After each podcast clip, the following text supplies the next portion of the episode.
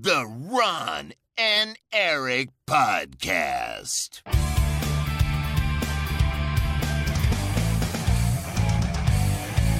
Double kill. Hallo en welkom bij de Ron en Erik podcast. De podcast van Ron en Erik, aflevering 447. Mijn naam is Erik Nusselder, bij mij is zoals altijd Ron Forstemans.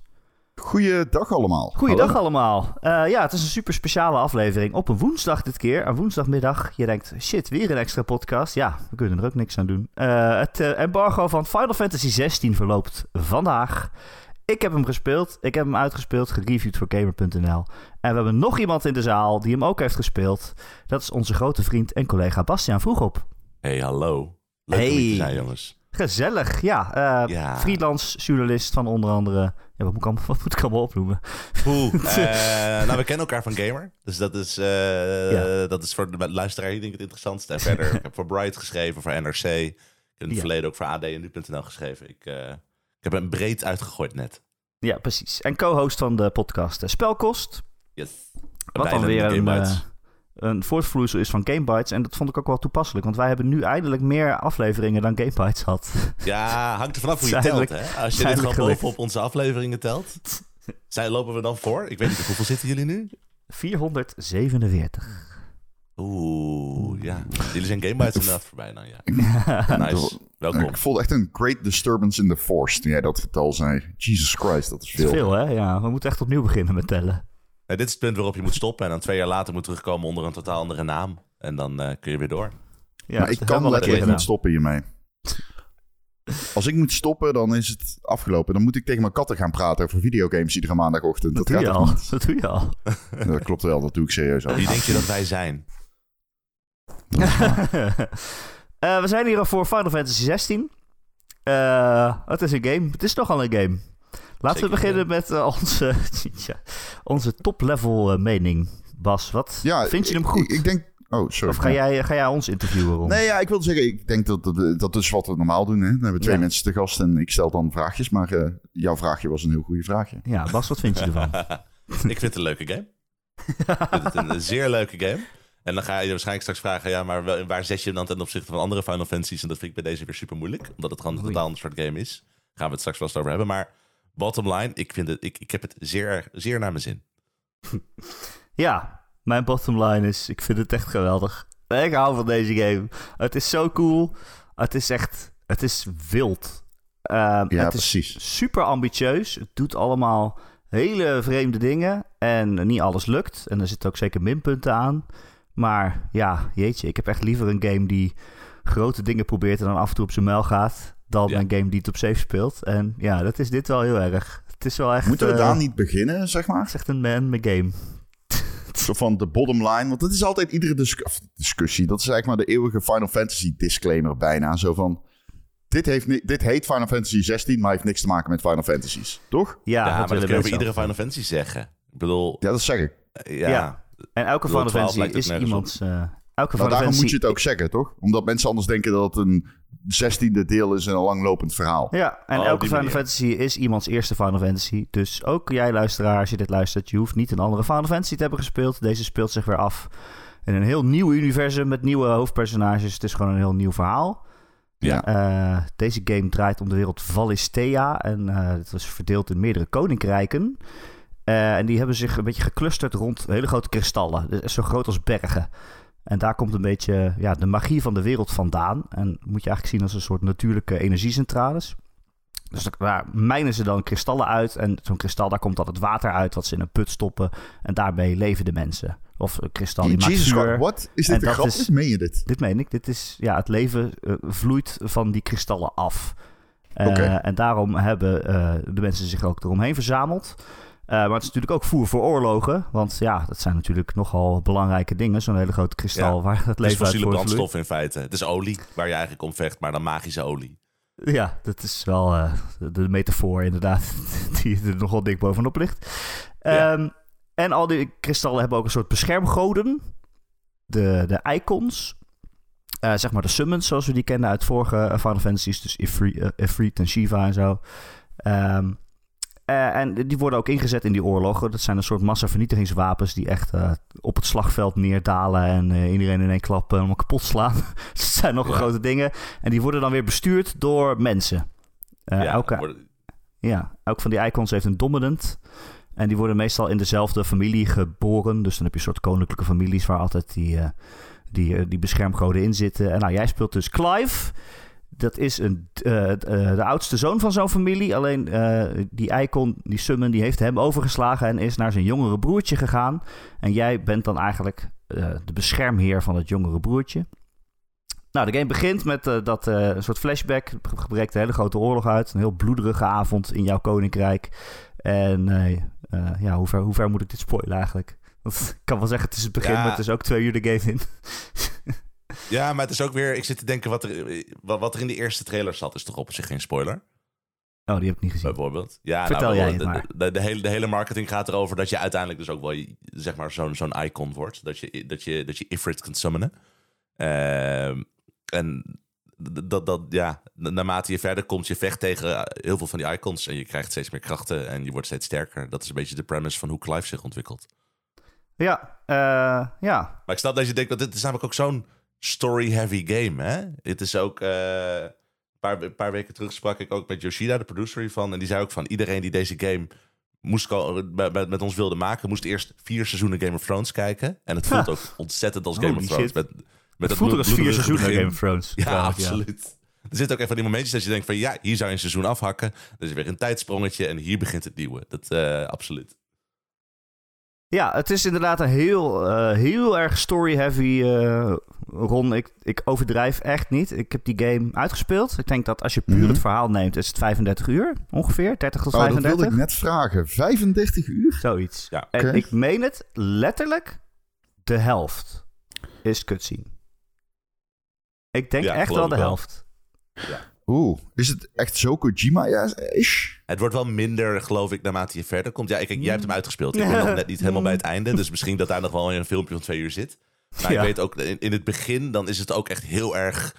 De, de eerste twee uur is ook gewoon quicktime heavy. Of quicktime event heavy op een bepaald punt. Dat er gevechten zijn waarbij je steeds eventjes op vierkantje of op R1 moet drukken om te dodgen of om te slaan. En dan krijg je weer een cool filmpje. Ik zit nu wel op het punt van het spel dat dat wel wat minder is geworden, geloof ik. Dat ze je steeds meer mechanics uit, eh, uitleggen en dat je daarna wel weer meer de touwtjes qua combat in handen krijgt. Maar qua verhaalvertelling blijft het inderdaad blijft wel veel filmpjes. Het, is ook, het zijn ook gewoon goede cutscenes. Het is ook gewoon een goed verhaal. Dus ik vind het ook helemaal niet Ja. erg. 35 vind ik wel echt... eh vijf- 17,5 uur cutscene? Vind ja, ik wel volgens eh, mij wel. extreem heftig om te horen. Holy heel, shit. eh, heel veel gesprekken en eh, ja, relaties die worden uitgediept. En dan gaan ze weer ergens heen en dan gebeuren er allemaal, allemaal dingen. Maar het is En, ook... ehm, eh, het- Oh, sorry. Oh, nou, het is namelijk ook. eh, Het neemt zijn worldbuilding gewoon heel serieus. Want bijvoorbeeld Final Fantasy 15, dat opende en dan zat je opeens in die auto met die gasten. En dan kwam je. En kennelijk moest je achteraf maar weten dat die prins was van dit koninkrijk waar je opeens naartoe rijdt. Ja, en dat ging van de hak op de tak. Ja, maar dat is het. Ik bedoel, die game die, dat voelde allemaal zo gehaast in verhaal. En ik raakte er ook kwijt wat er aan de hand was. 13 had dat ook, dat je gewoon ging het over Lassie en Falsie. En deze game neemt juist de tijd om in een goed georganiseerd verhaal dat ook een beetje aan je uit te leggen. En dat duurt wat langer. Maar ik heb het gevoel dat ik die wereld ook echt super goed ken nu. Ja. Ik vond dat begin van Final Fantasy 15 wel echt... Met dat nummer Stand By Me, toch? Ja. Ja. Dat was wel echt dat je meteen het gevoel had van... Oh, deze vriendengroep, wij gaan echt samen dingen beleven. Maar, ehm, oké, maar dat is goed om te horen, I guess. Maar jij zei super ambitieus. En dan denk Erik, en dan denk ik... Oh, maar de helft is filmpje. Dat is niet echt super ambitieus. Dus wat is dan super ambitieus aan? Nou, eigenlijk is het wel zo ambitieus. Want je moet 17,5 uur aan filmpjes maken die ook nog leuk zijn om te blijven volgen. Dat is al één ding. Het is echt super ambitieus om er als kijker aan te beginnen. Dat Ja. wat je wilt zeggen. Maar het is ook inderdaad wat Bas zegt. Het voelt als niet als, niet als een seizoen van Game of Thrones, maar echt als, het, eh, als alle seizoenen bij elkaar. Het begint weer opnieuw en half, echt halverwege de game denk je, hè? Eh, begint het nu pas of zo? Is dit pas het begin van de game? Dan ben je al 15 uur bezig. Eh, echt, toen ik aan het eind klaar was met spelen en ik dacht terug aan wat we allemaal hadden meegemaakt en hoe het spel begon en waar iedereen toen mee bezig was en zich druk over maakte, toen dacht ik echt, ik snap bijna niet meer dat dit allemaal hetzelfde spel was. Er is zoveel gebeurd. Ja, er zit ook oprechte character development in, alleen al bij Clive, hè? Ik zit nu Ja. echt naar hem te kijken en hij, hij, hij praat op een bepaalde manier en hij heeft bepaalde waarden. Nu dat ik denk van, ik snap hoe je daar gekomen bent. En zo was je nog niet het begin van de game in de eerste act en de tweede act. Dat ik echt denk van, eh, hij is zo gegroeid door wat er gebeurd is. Het voelt ook allemaal natuurlijk en goed. Terwijl de meeste games, de meeste RPG's, ben je gewoon een coole held. En blijf je ook ongeveer die coole held totdat je op het einde God verslaat. Want dat doe je altijd in een RPG.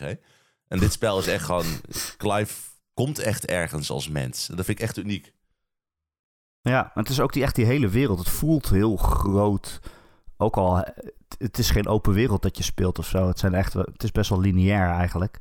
Ja. Maar het voelt heel groot omdat elk stukje van die wereld is helemaal mooi vormgegeven en geschreven. En echt doordrenkt van de lore en van hoe, hoe leven mensen daar. En de architectuur van al die verschillende steden is heel anders. Je, hebt, eh, je begint echt in een soort van ja, Brits middeleeuws uh, fortachtig koninkrijk. Maar dan kom je later echt in heel chic uh, Engels uh, hoogbouwen, gebouwen. En, en daarna kom je in een woestijndorpje en zo. Het is echt allemaal... Er is echt overal heel erg veel van. Dat laat ik het zo zeggen. Er is overal heel erg veel van. Ik merkte ook wel terwijl ik speelde. Uh, in het begin was ik echt op zoek naar een soort van een beetje de ouderwetse Final Fantasy. Van geef me een hubje waar allemaal sidequests zijn en dat ik een beetje kan rondlopen. Maar ik weet niet of jij dat had. En misschien is dat een goede brug straks ook naar gewoon hoe dat werkelijk speelt. Maar naarmate ik verder kwam, vond ik die hubjes minder leuk. En wou ik eigenlijk gewoon de lineaire levels eigenlijk gewoon het liefste spelen. Gaf mij maar een stuk waar ik van A naar B ging. Want daar gebeurde gewoon coole shit de hele tijd. Want de structuur van de game is gewoon uh, lineaire levels aan elkaar geplakt. Ja, Inderdaad dan verschillende omgevingen. Je hebt een world map, zeg maar. Waar je dan uh, steeds van plek naar plek gaat. En soms word je dan... Dan zie je zo'n groot uh, rood rondje. Dat is echt een stage. Die kun je ook her, uh, herspelen via een plek. En dan kun je voor meer punten kun je hem opnieuw spelen, zeg maar. Echt een beetje zoals een Devil May Cry level of zo. En af en toe kom je ook in wat kleinere, groenere stipjes op de kaart. En dan mag je wat vrijer rondlopen. En dan heb je vaak wel iets te doen. Maar daar kun je ook terugkomen voor sidequests. En het zijn eigenlijk gewoon... Je hebt zeg maar niet een grote sandbox, maar je hebt gewoon steeds kleine sandboxjes waar je eventjes een beetje wat kan doen. Ja, het is geen open wereld, maar er zijn wel kleine stukjes waar je wel een beetje kan verkennen. Ja. Uh, mm. Een beetje vrij kunt rondlopen, maar inderdaad waar vooral de sidequests zich dan afspelen. En je ziet daar ook allemaal monsters in, in het veld lopen en zo. Daar kan je dan Een beetje zoals Final Fantasy 7, zeg maar, dan. Minder vrij. Uh, remake, remake bedoel je? Of oh, remake bedoel ja, ja. ja, dan wel. Ja, ja, ja zoiets, ja. Sorry, ik bedoel remake, ja. Ja, zoiets, okay. ja. ja. Hebben we nou uitgelegd, goed genoeg uitgelegd wat je eigenlijk doet, Bastiaan? Want het, nee, of ja, wat, wat het doel nee, van het spel dat is. is. een vraag moeilijk. die ik nog steeds heb. Um, want draait het nou om verhaal? Draait het nou, want je hebt stages met combat. Ik bedoel, ik hoorde uh, Devil May Cry. Ik weet dat ik Bas heb een keer heb geappt. Ik vraag van, hè, hoe is de combat? Het is Bas, het is Devil, beter dan Devil May Cry. Dat ik, what the fuck? Ja, ja. Nou ja, het is ook, de combat is ook gemaakt door de combat director van Devil May Cry 5. Hè? Dus het is ook op zich niet heel gek dat daar een gelijkenis in zit. En, maar het speelt heel erg als zo'n actiegame met gewoon uh, combo's en timen en variaties en juggelen en dat soort dingen. Oké. Okay. En dat... Uh, is het een arena-game? Mm, nou, je loopt nog wel van plek naar plek, zeg maar, ook wel in levels. En uh, okay. je, je, je, je, verkent bijvoorbeeld een kasteeltje en dan kom je vijanden tegen en dan duik je die combat weer op die manier in. Uh, maar het, het, is echt, de Devil May Cry vergelijking is denk ik wel de meest logisch om te maken qua hoe je vecht en hoe je speelt hoor. Dat, dat is wel echt hoe de levels werken. Ja, en het is, eh, die combat is ook echt wel goed. Het is heel snel. Het is, je, hebt een, je hebt een dodge en als je dat dan precies op het goede moment doet, dan vertraagt de tijd zo. Hè? Dan kan je weer terugslaan. Je hebt uh, echt een, een uh, toegewezen skill om zeg maar, de afstand te overbruggen. Dat je snel naar een vijand toe worpt. Dus er zit ook heel weinig loze tijd in zo'n combat. Uh, in het begin, zeg maar die eerste twee uur, dus ook mensen die de demo hebben gespeeld. In het begin is het echt nog best wel saai. Sowieso, die game bouwt heel erg traag op. Maar na een uur of vijf uh, wordt het echt uh, veel interessanter. Want dan krijg je ook veel meer de vrijheid in de combat. je hebt zeg maar een setje skills. je hebt gewoon aanvallen. en je kunt magie schieten. Maar je hebt ook een paar bijzondere skills. En daar zit dan een, een, een cooldown op. Dus die kan je doen en dan moet je weer even wachten. Maar op een gegeven moment krijg je daar zeg maar een tweede setje skills naast. En dan kun je heel snel tussen wisselen. Dus dan ben je echt de hele tijd aan het switchen van skills. Van oké, ik heb deze met de cooldown gedaan. Nu kan ik switchen naar het andere setje. Uh, en daar heb ik nog een paar skills die ik nu wel kan doen. En dan hoor je uh, ergens uh, op je koptelefoon zo ping. En dan denk je, oh ja, kut, ik heb weer een skill die de, cool, de cooldown is weer afgelopen. Kan ik weer terug naar dat vorige setje skills. En dan weer ben je heel snel combo's achter elkaar aan het maken. Dus uh, dat is echt ja. best wel cool. Je tovert echt de hele eh, tijd allemaal nonsens het scherm op. Ja. En daarbovenop ben je ook aan het staggeren, zeg maar. Dus je hebt ook zo'n staggerbalkje, waarbij wat je naar beneden moet brengen. Waarmee je zeg maar de verdediging van je vijand eraf ramt. Ehm, en dat begint ook heel simpel. Van je haalt het eraf en dan is hij eventjes stunt. Maar dat wordt dan later weer complexer. Dat je weer een move krijgt. Dat als hij middenin zit, dat je hem even tijdelijk kan staggeren. En je krijgt uiteindelijk een soort van... Je leert gewoon om een soort van te bursten op de momenten dat ze helemaal plat liggen. En dat ze meer damage nemen. Dus dan doe je je limit break en dan gebruik je al je cooldowns en weet ik veel wat. Dus je bouwt ook bijna MMO-achtig soms naar van die, van, die, van die damage bursts toe. Maar tegelijkertijd ben je aan het dodgen en ben je aan het parryen en, eh, en, en, en gewoon heel cool aan het vechten. Dus die, die combo werkt echt heel goed. Het voelt echt een beetje, soms een beetje als een mix tussen Final Fantasy XIV en eh, Devil May Cry. En hoe is dan de verhouding tussen zeg maar grote gevechten? Want ik, ik, ik heb de demo zelf nog niet gespeeld, ga ik wel doen overigens. Maar eh, ik zag wel wat beelden van iemand die een draak omhoog rende... terwijl die objecten moest eh, eh, zeg maar vermijden. Ehm, en dat soort setpieces die zijn natuurlijk cool. Alleen hoe is de verhouding tussen zeg maar grote schalige setpieces... en gewoon kleinschalige combat waarin je enemies moet parryen en shit? Ik denk dat je ieder combat level wel sowieso een paar bazen hebt. En de baas op het einde is vaak wel een, een, een heel cool moment, heb ik het idee. En natuurlijk hoe verder je in de game komt, hoe groter en hoe epischer dat natuurlijk wordt. Ja, eh, ik vind alleen wel, eh, dat is wel een minpuntje, zeg maar die grootste en epische momenten, die zijn eigenlijk stiekem niet leuk om te spelen. Die zijn gameplay technisch gezien dan eigenlijk weer heel saai. Dan wordt dat, het hele combat systeem eigenlijk ook een beetje overboord gegooid. En ik bedoel, het is wel cool, ze hebben natuurlijk ook gezegd in de aanloop naar deze game, dat al die summons met elkaar gaan vechten en zo. En als je die demo begint, helemaal het begin van het spel, dan zie je ook eh, Phoenix tegen, tegen wie ook weer vechten? Tegen Ifrit. Volgens mij. Ja, eh, dat ziet er allemaal super cool uit en groots. En het zijn gigantische monsters die door kastelen heen rammen en alles kapot maken. Maar als je aan het spelen bent, dan denk je, ja, dat is een soort onreal shooter ineens. Die, eh, je, kan bijna niet eens, je kan het bijna niet eens misdoen. En dan zitten er allemaal quicktime events in.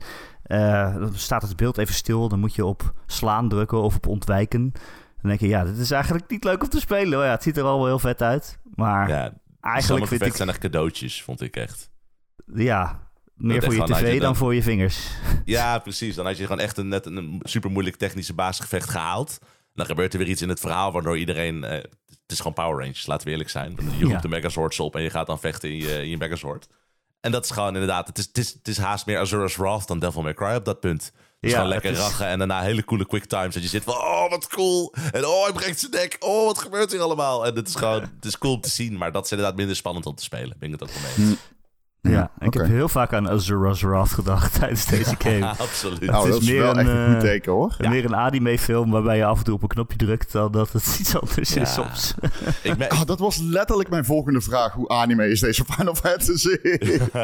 ik had dus het idee, in het begin vond ik het helemaal niet anime, omdat het gewoon echt heel erg Game of Thrones aan het nahapen was. Maar hoe verder ik kom, hoe meer anime het toch weer begint te worden. Dat je toch merkt van, oh ja, wacht, het Yep. echt Japanse roots. En het is toch wel echt een beetje, de, de cool factor is toch wel uiteindelijk belangrijk. Ik bedoel, er zit één moment in, ik denk dat ik het voor contextloos kan vertellen, zonder niet te spoilen. Dan zegt uiteindelijk iemand van, nou maar hoe hebben jullie mij weten te verslaan? En dan zegt een ander, dus omdat Clive gelooft in zijn missie. En dat is iets wat in Game of Thrones zou dat natuurlijk... Dat is, dat is de anti-Game of Thrones uitspraak natuurlijk. Want Game of Thrones had je de Red Wedding... en dat was van ja, maar we geloven erin. En dan ontdek je van ja, zo werkt deze wereld niet. Als jij gewoon geen plan hebt, ben je fucked. En in deze game heb je soms geen plan nodig... maar moet je gewoon, heb je gewoon plot armor... en dat is alles gewoon heel cool. Door de Dus kracht het is van een soort. Kingdom Hearts. Ja, af en toe wel. Tot nu Ah, toe verhaal. nee, Nee. Erik, Ja, ja ik moet het nog ja. gaan spelen. Nee, Ik het is moet niet het nog zo, gaan spelen. Het is niet zo Kom onvolgbaar als dat, maar het is wel daarvan dat ze dan zeggen, ja, maar wij hebben elkaar. En het is de, macht, de magie Ja. van vriendschap en dat soort dingen. Je had ook Oké. onze WhatsApp moeten zien tussen Erik en mij, hoor. Want dat was gewoon het verschil tussen een Final Fantasy en een Kingdom Hearts speler eh, in ruwe lijnen. Dan was er uiteindelijk een gast met een cloak en we zaten een beetje te theorycraften wie dat kon zijn. En ik dacht iets van, nou, het zal misschien die gast zijn waarvan we dachten dat hij dood was, maar misschien is hij er toch. En Erik zat denken van, nee, tijdreizen en dimensies en dit. Er is iets met tijdreizen, ik weet het zeker. dus ik bedoel, het, zou, het is niet ongehoord voor Square Enix, dus dat had best Nee. gekund. Maar, Maar eh, toen zei ik ook tegen Bas, oh ja, het is niet Nomura die deze game maakt. Ehm. Maar het is wel, ja, is het, ehm, het is ook wel fucking dark. Het is echt heel Ja. duister. Het gaat echt best wel ver in hoe, het is 18 plus. Eh, Kijk, de meeste vorige. Final Fantasies zijn wel serieuze verhalen. Maar ook nog wel gewoon, eh, weet ik veel, Wacht, vrolijke, het kleurtjes. 18 plus, niet Ja. 16? 18 het is de 18 eerste plus. keer Final Fantasy. Ik zat Dus ook... het, eh, dus het, eh, mensen hebben seks en mensen worden afgeslacht op beeld. Maar ook, Mensen hebben seks. ja, Oh, mensen. Ik ben een verzameling aan het maken van filmpjes waarbij alle referenties naar seks zitten in die game. Want het voelt soms een beetje van, oh kijk ons nou, kijk ons nou. In plaats van dat het echt gewoon heel organisch voelt.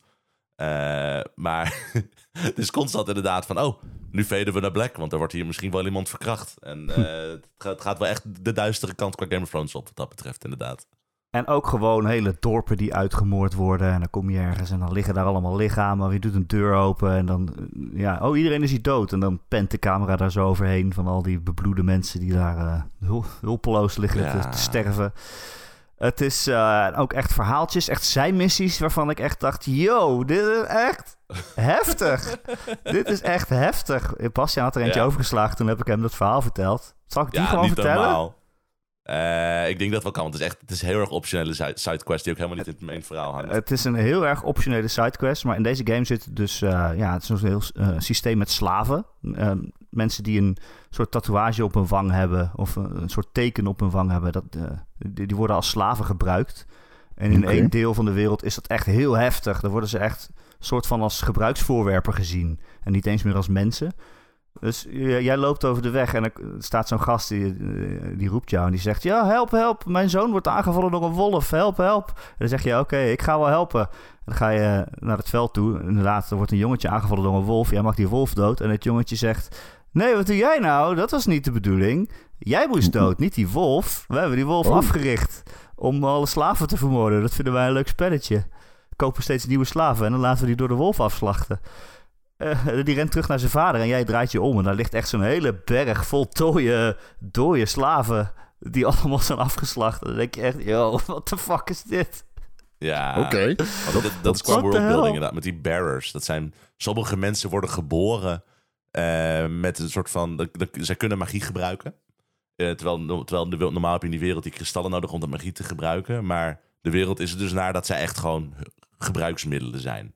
Van, oh, kennelijk kan jij dat. Weet je, jij bent nu slaaf en jij gaat de rest van je leven gewoon maar water genereren of zoiets. Dus er wordt inderdaad super denigrerend naar die mensen gekeken. En die cutscene illustreert precies hoe er met, met ze wordt omgegaan. Ja, en het illustreert ook een beetje mijn minpunt met zijmissies. Want die zijn allemaal zo. Ehm, er zijn best wel veel zijmissies en ze gaan allemaal inderdaad zo. Kijk, die zijmissie die ik net heb verteld, het verhaal was echt super cool en fucked up. En ik vind het leuk dat ik heb meegemaakt. Maar wat ik echt gedaan heb, is één wolf doodmaken. Qua gameplay. En het is echt de hele tijd zo. Het ergste is echt aan het begin bijvoorbeeld kom je voor het eerst in een soort kroeg, in een café... en dan staat iemand achter de bar en die zegt... oh, ik heb eigenlijk niet genoeg tijd om al dit eten rond te brengen aan mijn gasten. Kun jij dat voor me doen? En dan zeg je, ja, tuurlijk ga ik dat doen. Maar dan, joh, het is eigenlijk echt een hele simpele missie... dat je gewoon alleen maar naar drie mensen toe loopt en ze hun eten geeft. Maar elk van die mensen heeft dan een heel verhaal van... oh, ik sta hier voor de chocobo's te zorgen... en als ik dat niet doe, gaan ze dood... Want eh, er woedt een ziekte door het hele land. Eh, de, alle chocobo's gaan eraan, dus ik moet ze verzorgen. Dus ik heb geen tijd om mijn eten te halen bij de kroeg. Dus super fijn dat je dit komt brengen. En het duurt echt twee minuten. En ik denk, ja, het was op zich, het is allemaal goed geschreven. Maar wat heb ik nou helemaal gedaan? Ik ben alleen maar naar Nee, drie klopt. plekken gelopen. Dat was de, zij- de, zij- de zijmissie. Het is één grote smoes voor exposition, inderdaad. Want eh, ze, ze willen je gewoon heel veel lore geven. En iedere sidequest is gewoon een smoes om heel veel te vertellen, terwijl je helemaal niks doet. Nee, dat echt Dus, niks. nou, ach. Ik, het, maar het is, het is inderdaad ook mega mature. Het is, eh, ik zat afgelopen zondag, bedoel, het was vaderdag en ik heb een zoontje. En dus ik dacht, ik gebruik vaderdag om even de tv de hele dag te claimen. Van ja, het is vaderdag, dus papa moet verwend. Dus papa mag de hele dag gamen. Dus die zat naast mij, vierjarige jongen, zat te kijken hoe ik speelde. Nou, en ik vertelde, ik, vertelde Erik er ook al voor, vooraf wat voor cutscene dit was. Maar ik had een intens bloed- bloedige cutscene Oh, waarbij de ledematen cool. door de lucht vlogen. En Clive zei fuck, waarbij mijn zoontje ook zei van... oh, dat mag je helemaal niet zeggen. Dus het is echt, eh, het is zeker niet kindvriendelijk. Ehm, is het dan... Is het nog wel een Final Fantasy? Ook qua gameplay en dergelijke. Ja, maar de gameplay, ik bedoel, daar hebben mensen het steeds over. Ehm, maar weet je, er is, er, is denk ik geen enkele Final Fantasy geweest die hetzelfde speelde als de vorige. En het valt hier wat meer op omdat ze echt naar actie zijn gegaan en een westerse eh, setting qua verhaal wat meer doen. Maar die serie bestaat sowieso uit experimenteren en afwijken. Er zijn er twee die opeens een MMO werden. Dus, dus die serie is helemaal niet zo aan stramine gebonden als bijvoorbeeld Zelda voor Breath of the Wild of zo, heb ik het idee. Maar ik vind dus wel, en dan vind ik het wel een interessante vraag. Ik vind, als iemand voor deze game aan mij had gevraagd: wat is dan precies een Final Fantasy? Dan had ik gezegd: ja, gewoon het nieuwste van het nieuwste in Japanse RPG's. Gewoon een groot eh, episch RPG-verhaal. En deze game is geen RPG meer. Dit is een action-adventure. Dit is meer dus- zoals God of War. Er zit heel weinig. Je gaat wel levels up, maar dat doet eigenlijk niks. Die statistieken gaan vanzelf omhoog. Je koopt wel nieuwe wapens, maar dat doet eigenlijk ook niks. Je hebt daar geen keuze in. Je koopt steeds het sterkste wapen. Eh, En dan ben je weer een paar Nice. missies verder en dan kan je weer een iets sterker wapen kopen. Eh, je hebt geen party members meer die je iets kan opdragen of spullen aan kan trekken. Er loopt wel af en toe iemand met je mee, maar die vecht gewoon uit zichzelf. Mhm. Dus het wijkt wel heel erg af. Het is wel. Het is geen, geen roleplaying game meer. Dat vind Ja, ik niet heb erg. Er, ik heb er Yoshida naar gevraagd van wat vind jij nou dat een Final Fantasy is? Van, eh, want, want sommige mensen zullen ook denken van het moet inderdaad een RPG zijn. Of, en, en zijn visie is eigenlijk van het is gewoon het beste wat Square nu kan maken. En verder maakt het niet uit. En kennelijk vindt Kitase van Final Fantasy 7, die, die, die zit er eigenlijk hetzelfde in. Ze denken echt gewoon van het is gewoon een benchmark van wat ons bedrijf kan. En degene die het maakt mag op dat moment besluiten van hoe je dat het beste kan aanpakken. En verder hebben ze ook intern de volledige vrijheid. Ja, ik vind het ook niet erg. Het is ook geen kritiekpunt. Want je beoordeelt natuurlijk ook een game op wat het is. En als het een heel goed spel is, dan is het een heel goed spel. Maar ik denk wel, ja, Final Fantasy fans die misschien luisteren, die... Ja, het is weer heel wat anders. Maar ja, ja wat jij zegt, elke fantasy, Final Fantasy is weer heel wat anders. Ja. Maar ja, En het is nu echt een geen soort- RPG meer. Het is toch ook een soort van.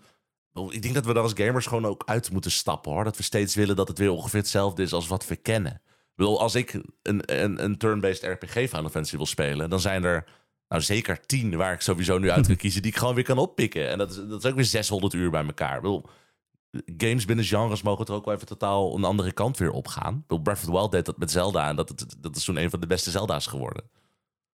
Zeker. Nee, zeker. Eh, mensen moeten over het algemeen ook gewoon niet zeuren natuurlijk. Dat is, dat is ook een goede Laat samenvatting. Laat ontwikkelaars alsjeblieft eh, ambities hebben. Maar ehm, ik weet niet, ik, ik heb het idee dat ik nog steeds terug moet naar de basis of zo. Ik weet niet of jullie dat ook hebben. Dat, ik, ik, ik, ik heb het idee dat ik iets mis of zo. Of dat ik het niet snap helemaal. Maar ik denk dat dat gewoon de game is, of niet? Nou, weet je wat Ja. het ook is? Kijk, het grootste pluspunt van deze game is gewoon dat het heel erg goed geschreven is. En wij willen het verhaal niet spoilen. Dus Ja. daar komen we dan niet, niet echt aan. Maar ja, wij zeggen, er zit 15 uur aan cutscenes in. Dat is heel veel. Maar ik heb me nooit verveeld. Dat is eigenlijk best wel knap. Dat is Bij- heel knap, ja. Bij een andere game zou je zeggen van Link moet Zelda redden en dat doe je door dungeons te doen. En dan weet je precies hoe je door de game moet. Maar dit is een complexer verhaal. En Clive is een personage met, die ook zelf toch moet uitvogelen in het begin van wat wil ik nou en wat is mijn doel en mijn ambitie. En dat is inderdaad, ik, ik kan je niet zeggen van oh, hij moet de wereld redden en dat is het verhaal. En dat doe je door vijf Nou, op zich wel. grote monsters te Uiteindelijk- verslaan. Uiteindelijk is dat altijd het verhaal. Maar goed. Ja, maar het is complexer dan dat. Net als, net als bij Game of Thrones. Ik bedoel, Ned Stark is ook niet een soort van Link die de wereld moet redden. Hoe Nee. duid je dat verhaal zonder te spoilen? Het is, ik denk, deze game is zo ontzettend gebaat bij zijn demo. Wat Erik zei klopt hoor. Hij is wat traag in het begin en je moet er echt inkomen. Maar die demo zet perfect de premise van het verhaal neer. En geeft je ongeveer een idee van hoe het ongeveer gaat spelen zodra je de volledige game in gaat. En je kunt notabene je progress meenemen. Want die demo is letterlijk het begin van de game. En daarna kun je in de volledige versie gewoon verder. Dus dat is Hm. gewoon de, de makkelijkste manier om het een beetje geduid te krijgen of, of dat voor je is. Oké. Het is heel... Oké. Het is heel, heel, heel Brits en goed geschreven en soms een beetje hoogdravig, maar heel goed Oh, Het is heel geacteerd. Brits. Ja, iedereen is Brits. Al die voice actors zijn allemaal, Ja. allemaal Brits. En Ja, maar qua humor En- praten Brits. Nee, niet qua humor. Niet qua maar, humor, toch? Nee, nee, nee. Nee, niet de Oké. Britse humor, nee. Maar ja, dit is ook... Volgens mij, eh, dat zei jij toch, Bas? Het is voor het eerst dat zeg maar, de Japanse en de Engelse tegelijkertijd zijn geschreven. Ja, ze hebben geloof ik... eh, er is een soort van heen en weer geweest inderdaad. Dat het verhaal is in het Engels geschreven... en dan, en dan ging het weer vertaald eh, naar het Japanse team die weer meelas. Die maakte weer correcties en daarna werd dat Ja. weer in de Engelse versie doorgedaan. Het is ook En een van va- de eerste Final Fantasies sinds de eerste drie... waarbij een niet-Japanner in de opening credit staat. Want je hebt, je hebt Michael, Michael, Michael Christopher Koji Fox... die deed ook al de lokalisatie van Final Fantasy 14... Een gigantische, dus dat is echt een grote lorehound. Ook als je kijkt wat hij met 14 heeft gedaan. Die wereld is zo belachelijk diep. En dat merk je ook in 16 dat hij dat weer heeft gedaan. Maar hij is gewoon de hoofdschrijver van deze game geworden. ja. Maar vaak En is het natuurlijk andersom. Als je Final Fantasy 7 Remake speelt, dan zie je gewoon dat het op de Japanse timing nagesynchroniseerd is. En dat voelt Ja. dan vaak een beetje houterig of gek. Eh, en dat is hier helemaal niet. Het is echt, echt vloeit allemaal heel natuurlijk. Dat maakt het ook weer dan weer zo heel erg goed. Ja, en het is ook meer de verhaalvertelling zoals wij in het Westen ook wat meer gewend zijn. Ik bedoel, Japanse games gaan altijd heel erg over... alleen maar echt puur over de personen die inderdaad een ontwikkeling moeten doormaken. Terwijl deze game ook heel erg gaat over de wereld en de ontwikkelingen naar binnen en, en, en, en- en het grotere plaatje. Dus het- wat dat betreft voelt het wel heel westers. Het klinkt ook heel erg als, een, als het eh, Final Fantasy epos, zeg maar. Eh, zeg maar, eh, dat heeft Final Fantasy 7 ook een beetje, weet je wel. Die worldbuilding, het gevoel dat je daar rondloopt. Ehm, het voelt bijna fysiek. En dit, zo komt dit op mij ook over. Als er bijna tosbaar wordt gemaakt door alle lore dumps en exposition en dergelijke. Ja, dat is ook zo. En het is ook gewoon zo'n wereld waarbij ik nu al zit van... ze kunnen hier geloof ik nog niet, zeg maar... Mijn, mijn, mijn honger helemaal mee stillen. Want ik wil nu gewoon echt tien dingen in deze wereld. Dit is echt zo'n wereld zoals Star Wars waarbij je zit... Geef me een Hmm. comic, geef me een boek, geef me een tv-serie als je heel ambitieus bent. Want ik wil gewoon meer eh, kijken wat er in die wereld nog allemaal kan. Er zijn ook allemaal dingetjes die al gebeurd zijn voordat de game gebeurt. Gewoon, eh, of, of zeg, maar, ja, zeg maar voordat Clive eh, geboren is en weet ik veel wat. Kan je zo een spin-off van maken. Bouw dat lekker uit. En dat, dat, dat, dat- daar ligt de basis gewoon heel voor. En dat, is, dat, dat gevoel had ik bij, bij 15 dan bijvoorbeeld ook weer totaal niet. Dat was meer van, ja, het is een beetje, dat voelde een beetje bij elkaar geraapt. En achteraf gered komt om het een beetje te laten werken. Terwijl dit is gewoon een wereld die al vanaf het begin af aan klopt. Oké. Ja, want daar Oh, hebben we het eigenlijk niet eens echt... Oh, oh, sorry Erik, wilde jij Nee, ik zei wel een goed spel. Ja. Ja, dat wilde ik dus vragen. Dat wilde ik echt letterlijk net vragen van... Daar hebben we het nog niet echt over gehad. Ik weet niet, eh, Bas, jij moet hem nog uitspelen, geloof ik. Ja, ik ga vandaag en morgen nog even doorrammen en dan ben ik net op tijd. Weet jij wel al wat voor hoeveel eh, ballen die krijgt? Want zo werkt NRC, begrijp ik. Oeh, Ja, ik, ik twijfel tussen 4 en 4 en een half. Ik Oké, vind halve vijf- bal. Ja, ik, ik, ik denk Halve dat 4 en bal. half wordt. Een broodje Ja, mag halve ik, bal. oh, oh, nee, wij, wij doen geen halve ballen. Oh shit, dan moet ik tussen 4 en 5 kiezen. Oh, dat vind ik moeilijk. Het voelt denk ik als een 4 en een half, maar ga ik dan inderdaad naar een 4 of een 5? Het is een beetje... eh, ik zou persoonlijk dan weer naar een 5 neigen. Maar 5 is ook weer op het niveau... Tears of the Kingdom is dan weer bijvoorbeeld ook een 5 geweest voor mij. Dat is een zes En die, die, die, ja, maar dat, dat voelt gewoon als een generatie definiërende game. En dat is dit ook weer, dan weer niet. Maar ja, moet ik dan alle vijf alleen maar op het niveau van Tears of the Kingdom houden? Dat voelt ook weer wel niet. Ja, ja, Bas, ja, Bas ja, ja, is ja. met zichzelf aan het argumenteren op dit moment. Ja, ik ga, live, ik ga het live bepalen nu. Nee, ik, ik twijfel nog een beetje. Maar eh, Ja, het is, ik moet wel zeggen, dat zei ik volgens mij ook altijd tegen jou in, eh, in Discord ergens. In een Discord, ik weet het niet, misschien was het bij Gamer. Van, het is echt ondoenlijk om games te vergelijken met Zelda, Breath of the Wild. Want ze komen allemaal, eh, ze verliezen allemaal. ja, nee, dat is het, het is echt, eh, het is echt eh, dit jaar wordt eh, wat dat betreft de grote, is het beter dan Zelda? Nee. Nee, De game gaat echt lachend goties pakken natuurlijk. Maar tegelijkertijd, ik bedoel, Zelda is gewoon feitelijk gewoon de beste game van dit jaar. Dat, dat, dat, dat, dat, daar- Ja. dat gaat, dat gaat ook Ja. niks meer veranderen. Dat zou me echt verbazen. Maar 16 is weer een game die voelt alsof hij persoonlijk voor mij gemaakt is. Qua worldbuilding, Ah. Final Fantasy dingetjes en de Devil May Cry-achtige combat die gewoon echt super goed werkt. Dus gewoon alsof Yoshida gewoon bij mij naar binnen is gekomen en een notitieboekje van mijn bureau heeft gepakt en eh, daar een game op gebaseerd heeft. Dus dat is voor mij dan weer een 5. Maar is dat dan voor NRC ook weer een 5? Dat is mijn puzzel nu eigenlijk. Ja. Erik, wat eh, weet jij het al? Eh, ik denk het wel. Ik probeer het ook een beetje inderdaad... Ja, ik heb ook dat, dat ik denk dat het speciaal voor mij is gemaakt, die game. Dus misschien voor Bastiaan en mij samen is die game gemaakt. Maar je moet daar ook, ook soms een beetje los van recenseren, inderdaad. Ehm, ik zei al eerder tegen jou, rond volgens mij is het een 8 die in mijn hart een 10 is. Dus Ja. dan kom ik op een 8,5 uit. Dat is Ja. toch een beetje je, je eigen half, een halfje erbij doet. Er zitten echt wel minpunten in. Ik bedoel, al die, al die sidequests die super lang duren en waar je eigenlijk niks doet. Vind ik toch wel een minpunt. En uh, die RPG-systemen die erin zitten, die ook eigenlijk niks doen. Ehm, Het verhaal zakt ook wel af en toe in dat je denkt, ja, ik krijg gewoon ineens een quest om zand te gaan zoeken aan een strand. Dat is misschien een vijand, of misschien niet. zoeken op een En strand. dan denk ik, ja, dat, is, dat, dat had ook wel even vijf, zeker vijf uur uitgeknipt kunnen worden, jongens. Dit is allemaal overbodig. Ja. Wat het Dus- lastig ook aan die sidequests is. Ik, bedoel, ik vind sidequests niet eens heel erg. Meestal denk ik van ik maak het lekker af op het einde. Maar deze game, de wereld beweegt voort. Dus er zijn steeds van die no- points of no return. En dan raak je alle oude sidequests kwijt. Dus dat Oh, haalt zo oh, tempo eruit inderdaad. Dus dan er zit, er zit zo'n punt. Dat is vlak voor een timescript van vijf jaar. Ja, als je dan de sidequest daarvoor niet hebt afgemaakt. Dan, ja, misschien is wel eh, dat dorpje waar je moest zijn overspoeld. Of is er een personage jouw dat dan meteen- Ja, maar, de- maar dan- dezelfde wereld, vijf jaar later in dezelfde game? ja, maar dat werkt dus supergoed, omdat daardoor Meestal zijn wereld, dat Witcher super statisch. Daar gebeurt eigenlijk op, de, op, op jouw main verhaal, waarbij je je eigen ding doet, helemaal niks. Die sidequest blijft hetzelfde. Maar deze wereld verandert steeds, omdat er grote politieke ontwikkelingen zijn. Die ook weer en er gaan mensen dood, die allemaal be- be- eh, weer bepalen hoe de, de sidequests zouden moeten aflopen. Dus ja, je moet sidequests afmaken voordat je verder gaat. Want misschien is dat plekje er niet meer straks. En ze waarschuwen je wel wanneer dat is hoor. Maar daardoor kun je dus niet zeggen zoals bij andere games van ik ram de main story erdoor en dan doe ik daarna de sidequest. Je moet echt een beetje een soort van het is alles of niets zeg maar. Dat is wel een beetje kut. Oké. Wauw, jullie hebben me enorm goed geenthousiasmeerd voor deze game. Moet Leuk. ik zeggen. Ik, ehm, het feit dat ik de demo nog niet gespeeld had, is veelzeggend. Ik prefereer Diablo 4 en Zelda op dit moment. Maar misschien moet ik die beide af gaan ronden, zodat ik, eh, zodat ik hieraan kon gaan beginnen. 35 uur en de helft cutscenes, holy moly. Ik Ja. zag nog een eh, Kotaku-artikel over de stijl van de game. Daar wil ik ook nog een vraag over stellen. Ik weet dat die een beetje concreet is richting het einde van deze podcast. Maar eh, ik zag wat transitioning van eh, de game naar menus. En ik vond dat er heel vet uitzien. Ik weet niet, het schakelt heel vloeiend. En je ziet op de achtergrond nog de game doorlopen of zo. Ik eh, Ah. kan het niet echt goed uitleggen, maar hoe stijlvol is deze game? Heeft het Ja. die Persona 5-achtige menustructuur, waarbij je ieder menu denkt, oh, mooi. Ja, ik weet niet wie die UI gemaakt heeft hier, maar ik vind het. Ik was wel van onder de indruk. Ik vind het echt heel knap gemaakt. Het is heel. Ja, eigenlijk is.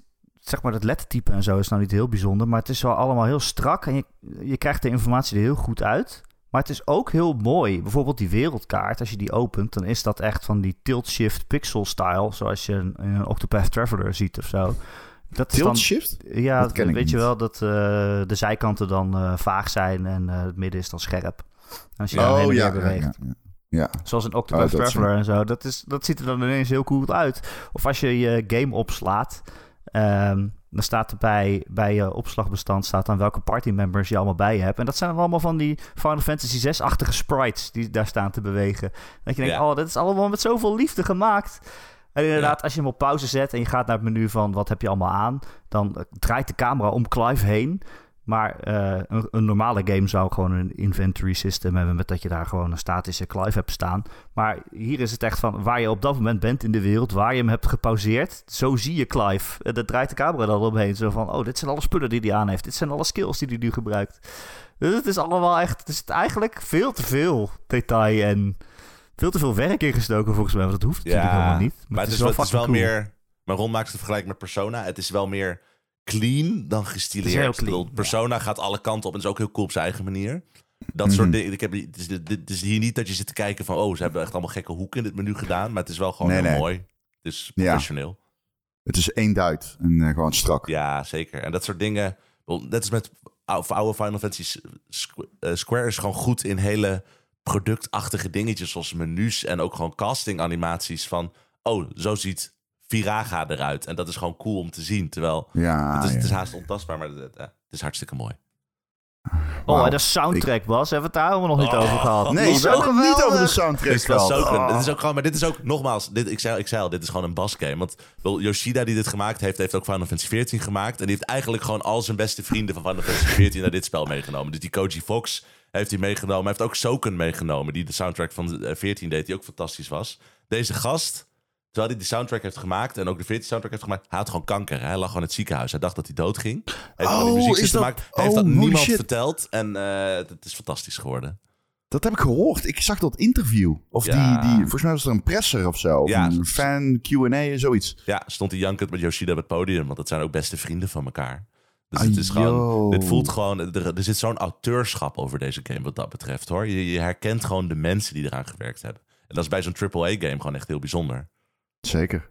Als je die hand kan zien van bepaalde mensen, zegt vaak veel over de liefde waarmee het gemaakt is. Zeker. Oh ja, maar die soundtrack is echt banger, joh. Ik las dat het echt meer dan 100 tracks waren of zo. Het is echt zo episch en groots. En al die 100 keer bekende... Stand By Me? Ja, nee, nee, nee, helemaal niet dat soort dingen. Maar wel echt al die Final Fantasy patroontjes die je dan af en toe herkent Ja. en ergens doorheen geweven worden. Weet je wel, die arpeggio Ook die weirde er zo shit doorheen soms, hè? gaat. Hele weirde shit soms. Ook Je hebt echt zo'n dat je zo'n track denkt... die bestaat letterlijk uit... eh, Ja. bewust nare toon die constant loopt. Maar ook echt op zo'n nou, nee, nee, maar echt gewoon een soort van, gewoon een soort van, een soort van synthesizer geluidje. Het is, het is naar, maar het hoort ook naar te zijn. Want het is ook echt op zo'n moment dat er een soort van spanning in de game hangt. Ja. Dat je echt denkt van, dit is, het is eigenlijk geen muziek, maar het werkt gewoon perfect wat je gedaan hebt. Dus het gaat echt alle kanten op. ja, maar ook soms dat je denkt, het is echt een mismatch. Dat je een grootje epische baas hebt en dat er dan zo'n heel rustig pianotje onder zit. Maar dan ben je aan het spelen en Hmm. denk je, nee, werkt toch wel eigenlijk. Ja. dat is echt heel bijzonder. Maar jullie Echt refereren zo vaak terug aan oudere titels. Dat ik eigenlijk nu wel. Deze podcast gaat gewoon. Jezus. Maar de, de, ik ben eigenlijk wel benieuwd waar die valt in het pantheon der Final Oh, Fantasy games. Want ik bedoel, ik weet, dat een kan je niet stellen. Ik weet dat het een gewichtige vraag is. Maar we hebben het over Final Fantasy 14. We hebben het over Final Fantasy 15. We hebben het over Final Fantasy 7. We hebben het over de remake. Ehm de remake krijgt eh, het volgende deel binnenkort. Eh, re, eh, Birth. Rebirth. birth. Final Fantasy. Oh my god. Ja, oké. Final Fantasy 7 Rebirth. Maar is het voor jullie een van de favoriete FF's? Ik denk het. Het is, het is zo'n lastige, omdat... Dat had ik ook altijd... ik bedoel, Ik heb heel veel 14 gespeeld. En het voelt toch altijd een soort van moeilijk om ook in mijn favoriete lijst te zetten. Omdat het een MMO is in plaats van een JRPG. Ja, en deze 14 is game een MMO. Is, ja. En deze game is ook weer net wat anders. Deze game waardeer ik om andere redenen waarom... ik bedoel, Final Fantasy 6 is mijn favoriete offline Final Fantasy sowieso. Maar die waardeer ik om Wat? hele andere redenen waarom ik... eh, waarom ik, de- waarom ik eh 16 nu waardeer. Oh, maar dat vind ik wel een, eh, dat vind ik wel een uitspraak. Denk 16 is je favoriet, zei je dat nou? Nee, 6. Oh, ik. Oh, ik dacht dat je 16 oh, zei. ja, sorry, 6. Ja. 6 is mijn favoriet, maar 6 waardeer ik om andere redenen waarom ik nu 16 cool vind. Dus als ik Hmm. de ene boven de ander zet, het voelt van... De, de, de graadmeter is heel anders. Dus dat vind ik zo moeilijk aan. Oké. Ja, ja, ja. ja, er komt Nee, ook altijd eh, een stuk nostalgie bij kijken. Ik bedoel, ik kom ook uit de tijd 7, 8, 9, dus... Ik zeg altijd Je 6 hebt is 6. 60 ook meegemaakt. op de Ik zeg, zeker, ik zeg altijd 6 is... Nou, 6 heb ik wel later gespeeld, na 7 volgens mij. Oh, oké, oké. ik zeg Oh, altijd 6 oh. is de beste en 7 is mijn favoriet. Snap ik. Maar heel even, nou ben ik wel benieuwd geworden. Jij hebt 6 gespeeld na 7. Dat is best wel wild, want 6 is natuurlijk veel ouder dan 7. Ja, maar ik, 7 ontdekte ik de serie en toen dacht ik, wat is hier nog meer? Toen 6 kon je toen ook op de PlayStation kopen, dus dan... Oh, oké. oh, dat gedaan. voelt als een rare...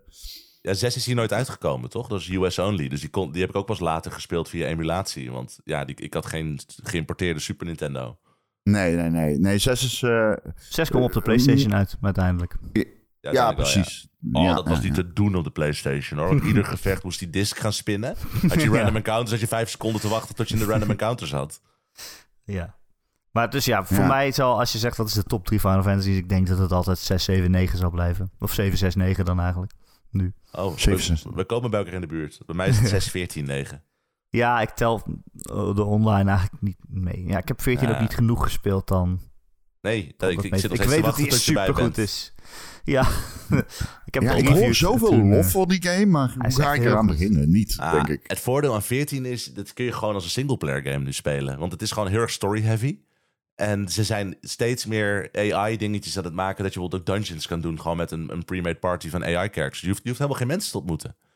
Ze zijn nog echt één... Ze, ik geloof dat ze maar één stap verwijderd zijn van gewoon een knopje erin... zodat je ook geen andere mensen ziet of zoiets. Maar, en, Oh, maar nu begint het steeds meer als mijn Ja. type MMO te klinken. en je kan de base game en de eerste expansion... kan je gewoon gratis spelen. Dat is de trial, maar er zit geen tijdslimiet op. Dus je kan daar gewoon de super lang base over doen. game is de De hele base game, ja. En, en de eerste expansion.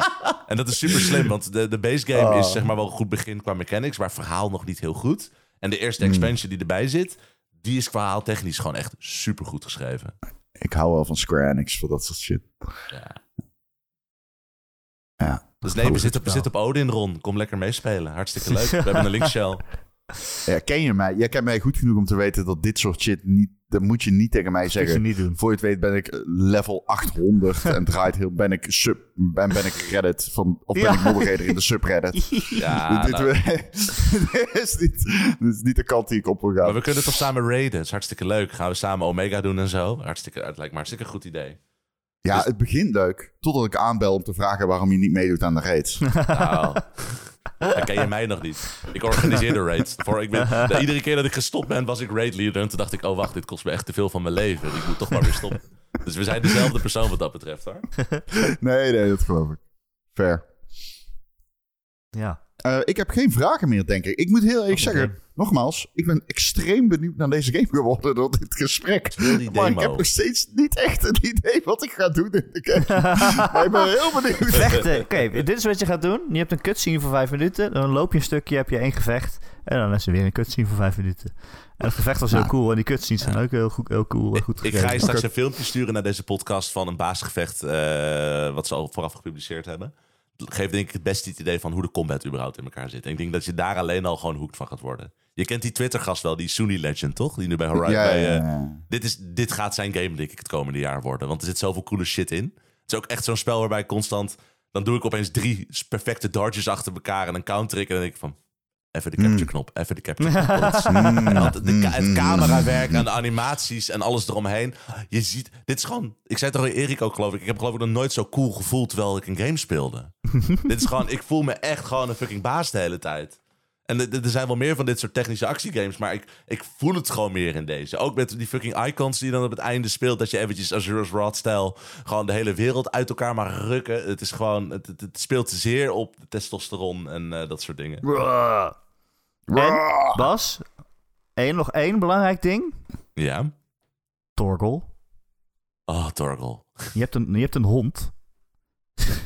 Ron, je hebt een Een hond. wolf, een wolf, een wolf. Red. Een Een wolf. En om- Red. eh, nee, niet, niet Red. Nee, hij heet Hij kan Torgel. niet praten. En ook, eh, kijk, omdat die game dus begint met een flashback en eh, daarna ook de jaren 20 en eh, de 30er jaren van Clive meeneemt, eh, zie je dus Torgel eerst als puppy. dan denk je, ja, super cute. en daarna zie je hem dus als volwassen eh, hond, wolf, wolfhond. En dan, je- hij is eigenlijk jouw partymember. Je kan hem tijdens gevechten ook een opdracht geven van bijt die gast. Of eh heal mij. En, eh, Ja. oh, en al die tussenfilmpjes met Torgel zijn allemaal super cute. Hij is echt de Ja. best boy. Het is ook leuk aan Torgal. Is je, je, je hebt zo'n accessory die kun je equippen zodat hij automatisch aanvallen en zo doet. Dus die heb ik aangezet. Ik denk dat heel veel mensen die gaan Oh. aanzetten. Maar je hoort dus constant, als je hem hoort aanvallen, hoor je Clive constant zeggen: Sick hem, Torgal, sick hem, Torgal, sick Torgal. Dus ik had, dus What ik a had een fine Amerikaanse, Amerikaanse journalist die ook altijd over JRPG schrijft, met wie ik vriend ben, die had ik een berichtje gestuurd van, heb ik alleen maar gezegd, sick hem, Torgal. En hij wist direct, oh, jij speelt ook. Oké, dan we hebben met elkaar. Torgel is echt een vriendje. Ja, Torgal is top. Oké, dat was het, Ron. Dat klinkt eh, top. Klinkt echt... eh, pardon. Klinkt erg goed. Wat zijn, Ja, jouw, ik heb wat een zijn jouw st- drie favoriete Final Fantasies nou, Ron? Want eh, ik weet Ik, ik, ik, ik heb niet een hele rijke Final Fantasy geschiedenis. Hoeft niet. Dus ehm, als ik, dus bij mij zou 15 erg hoog eindigen. Mm. Ik heb 12 ook gespeeld. Die vond ik wild, maar veel te lang. Volgens mij is dat niet die game die veel te lang duurt. Final Fantasy. Ja. ja. Ja, dat zijn ze allemaal, geloof ik. Ja, ja, ja, ja. ja, Ik ja. vond deze nog wel, eh, nog wel netjes met 35 uur eigenlijk. Ja. Maar mijn favoriet is ook 6, denk ik. En dan eh 7, 15, denk ik. Maar ik heb, het niet, eh, ik heb ze niet allemaal gespeeld. Nou, vind ik een mooi lijstje hoor. Het is ook, eh, maar ik zat ook, in het begin dacht ik ook van oeh, 35 uur, dat is wel kort. Ten opzichte van een fan, Final Fantasy. En toen dacht ik wel, wacht, maar ik ben vader. Dit is perfect. geef, mij, geef mij games voor 35 uur. Dat is precies de lijn waar ik op moet zitten. Ja. Ik heb, Ik heb va- 7 nooit uitgespeeld overigens. Ik heb alleen remake gespeeld. Mm. Wild, hè? Oeh. Maakt hem ook verwarrender, denk ik. Geen als je spoilers. nu speelt. Ja, ja, ja, ja. Dus waarschijnlijk moet ik hem er nog een keer doorheen jassen. Je kent de twist Ja. op het einde. Ja, dat moeten we misschien Ik, niet in de podcast ja, bespreken. ja, ja, ja, ja. Nee, Ja, maar die ken misschien- ik. Ik weet ook, eh, ik weet alle twists zelfs, Oh, eh, oké. min of meer. Oh, oké. Ik wou zeggen, iedereen weet de twist, maar eigenlijk mensen weten vaak niet de belangrijke De twist. twist. Nou, iedereen heeft het altijd over het moment dat degene die doodgaat, doodgaat. Ja, dat is de twist, Alleen maar niet niemand- de belangrijke ja, twist. precies. Niet de belangrijkste twist. Nee, precies. Maar 6 heeft ook zo'n twist. Waarvan, Ja. welke twist gaat het nou eigenlijk? En dan is het niet die twist, het is de andere twist. En dat heeft te maken met de bad guy. Maar eh, je snapt eh, waar ik heen wil. Nou ja, goed. Whatever. Zes is Oké. zo goed.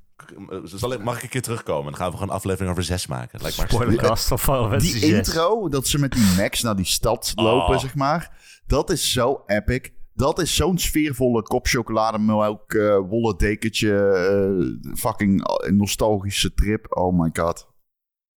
Beste ooit. Fantastisch. Technisch ook gewoon bizar goed hoe dat gemaakt is op een Super Nintendo. Het was gewoon zo'n Ja, 3D-moment met sneeuw ervoor en gewoon filtereffecten Ja. die je pas in de PlayStation 3-tijd eigenlijk weer terug zou zien. Het is echt, dit spel Ja. was zo zijn tijd vooruit op zoveel punten.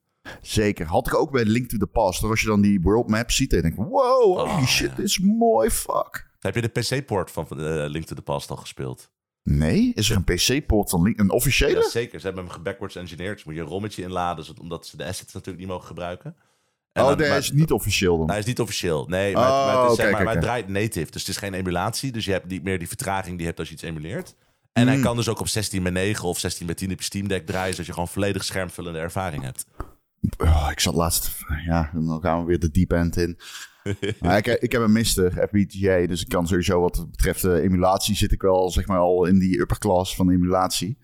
Eh, maar ik zat laatst te kijken naar wat mensen gedaan hebben met eh, Zelda, eh, niet Twilight Princess, Jezus Christus, Ocarina of Time. Wat mensen met Ocarina of Time hebben gedaan aan assets is echt insane, man. Die game oogt gewoon mooi. Oh ja. Die heeft trouwens ook een- board die ook perfect is. Die draait dan opeens op 60 frames per seconde. En eh, dan kun je je rechterpookje gebruiken om de camera te bewegen. Want dat kon natuurlijk niet op de 64. En dan kun je ook op allemaal extra knoppen allemaal items neerzetten. Zodat je gewoon nooit meer de menus in hoeft. Die games zijn zoveel beter te spelen als je nu de ports pakt. Oh, hou op. Ik ben nu, eh, ik ben nu de 3DS-versie van Majora's Mask aan het spelen. Oh. Ik weet ook niet waarom ik dit eigenlijk doe. Waarom doe ik mezelf dit aan? ik heb zoveel games. En dan ga ik eh, eh, letterlijk Ocarina of Time en Majora's Mask back-to-back op de 3DS spelen. Ja, ik heb dit probleem ook. Ik ben nu weer een Pokémon Sapphire begonnen. Ik weet niet waarom, maar eh, ja, waarom ook niet. Oh, ik heb letterlijk gisteren de cartridge gekocht van alle Pokémon games op de 3DS. En ik dacht, waarom doe ik dit?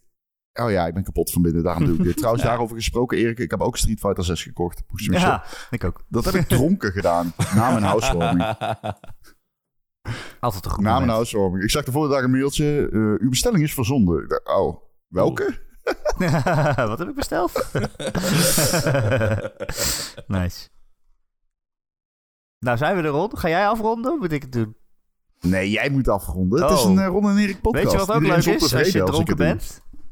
Oh, De Ron en Erik podcast. Ja, we komen normaal gesproken elke maandagochtend in je oren. Nu dan een keer op woensdagmiddag. Dat is ook wel leuk. Maar nu zijn de, nu zijn de extra podcasts wel een beetje afgelopen, Stop toch nou eens Ron? mee. Stop nou eens met zeggen dat je in mensen hun oren komt. Waarom? Oh, ik had het nog niet zo geïnterpreteerd. Nee, zie je? Niet iedereen weet dat het zegt toch, hij altijd. Altijd. Ja, nee, ik, ik, ik, ik- sorry, stond dat jij er net over begon, heb ik dit altijd heel onschuldig onder eh, Ja. ervaren. Ja, Daar zit precies, ik vooral te denken aan wat een vieze oorontsteking krijg je daarvan, Ja. denk ik, als je het zo Ja. beschrijft. Maar het is gewoon heel onschuldig bedoeld, Ron. Jij maakt er weer zoiets vies van. Zo jammer. Eh, motherfucker weet wat hij doet, hè. Maak je geen, make no mistake. Hij dit iedere week. Hij krijgt iedereen commentaar uit zijn eigen Discord. Maar hij, begrijpt- hij, hij gaat gewoon door. Zeg jij nou dat Erik bewust is van dubbele betekenissen van woorden die hij uitspreekt? dat vind ik echt nee, zeer, nee. on- zeer Nee, onwaarschijnlijk bij Erik. Dus heel onwaarschijnlijk, ja. Hij is Erik en eh, dat interpreteer ik. en de Ron en Erik podcast presenteer ik. Maar ook op Patreon. Als je meer Ron en Erik wil, kun je lid worden van onze Patreon. Kun je ons steunen. Krijg je elke maandag ook nog een extra podcast. Afgelopen podcast heeft Ron verteld eh, wat voor een mooi apparaat hij heeft gekocht. Dan heb ik, heb ik het afgezeken. Hoe lelijk ik het vond.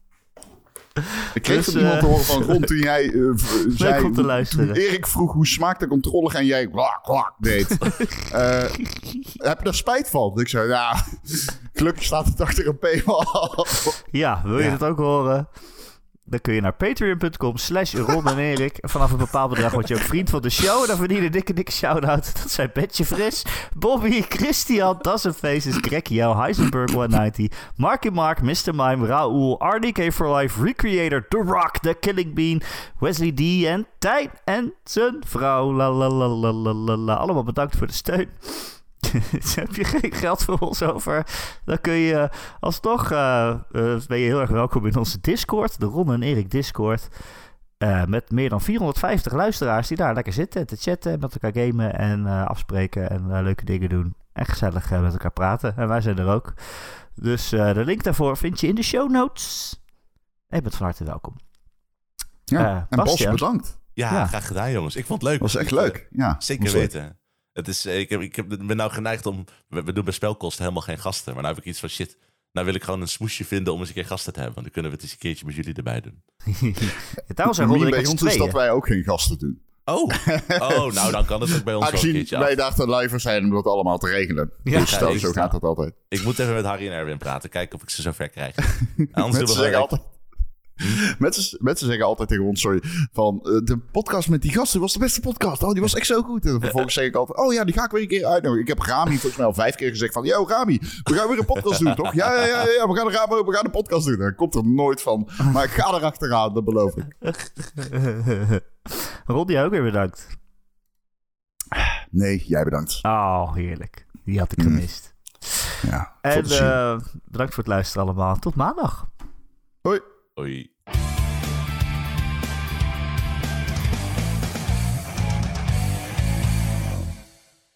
Ik zie echt iets zo grappigs nu. Je hebt de PlayStation Store, je hebt Resident Evil Revelations 2 en dan extra episode 2, Little Miss. Ja, oh ja. En, en maar die is in het Nederlands vertaald naar Resident Evil eh, Revelations 2 extra episode, Mevrouwtje. Mevrouwtje. Wat?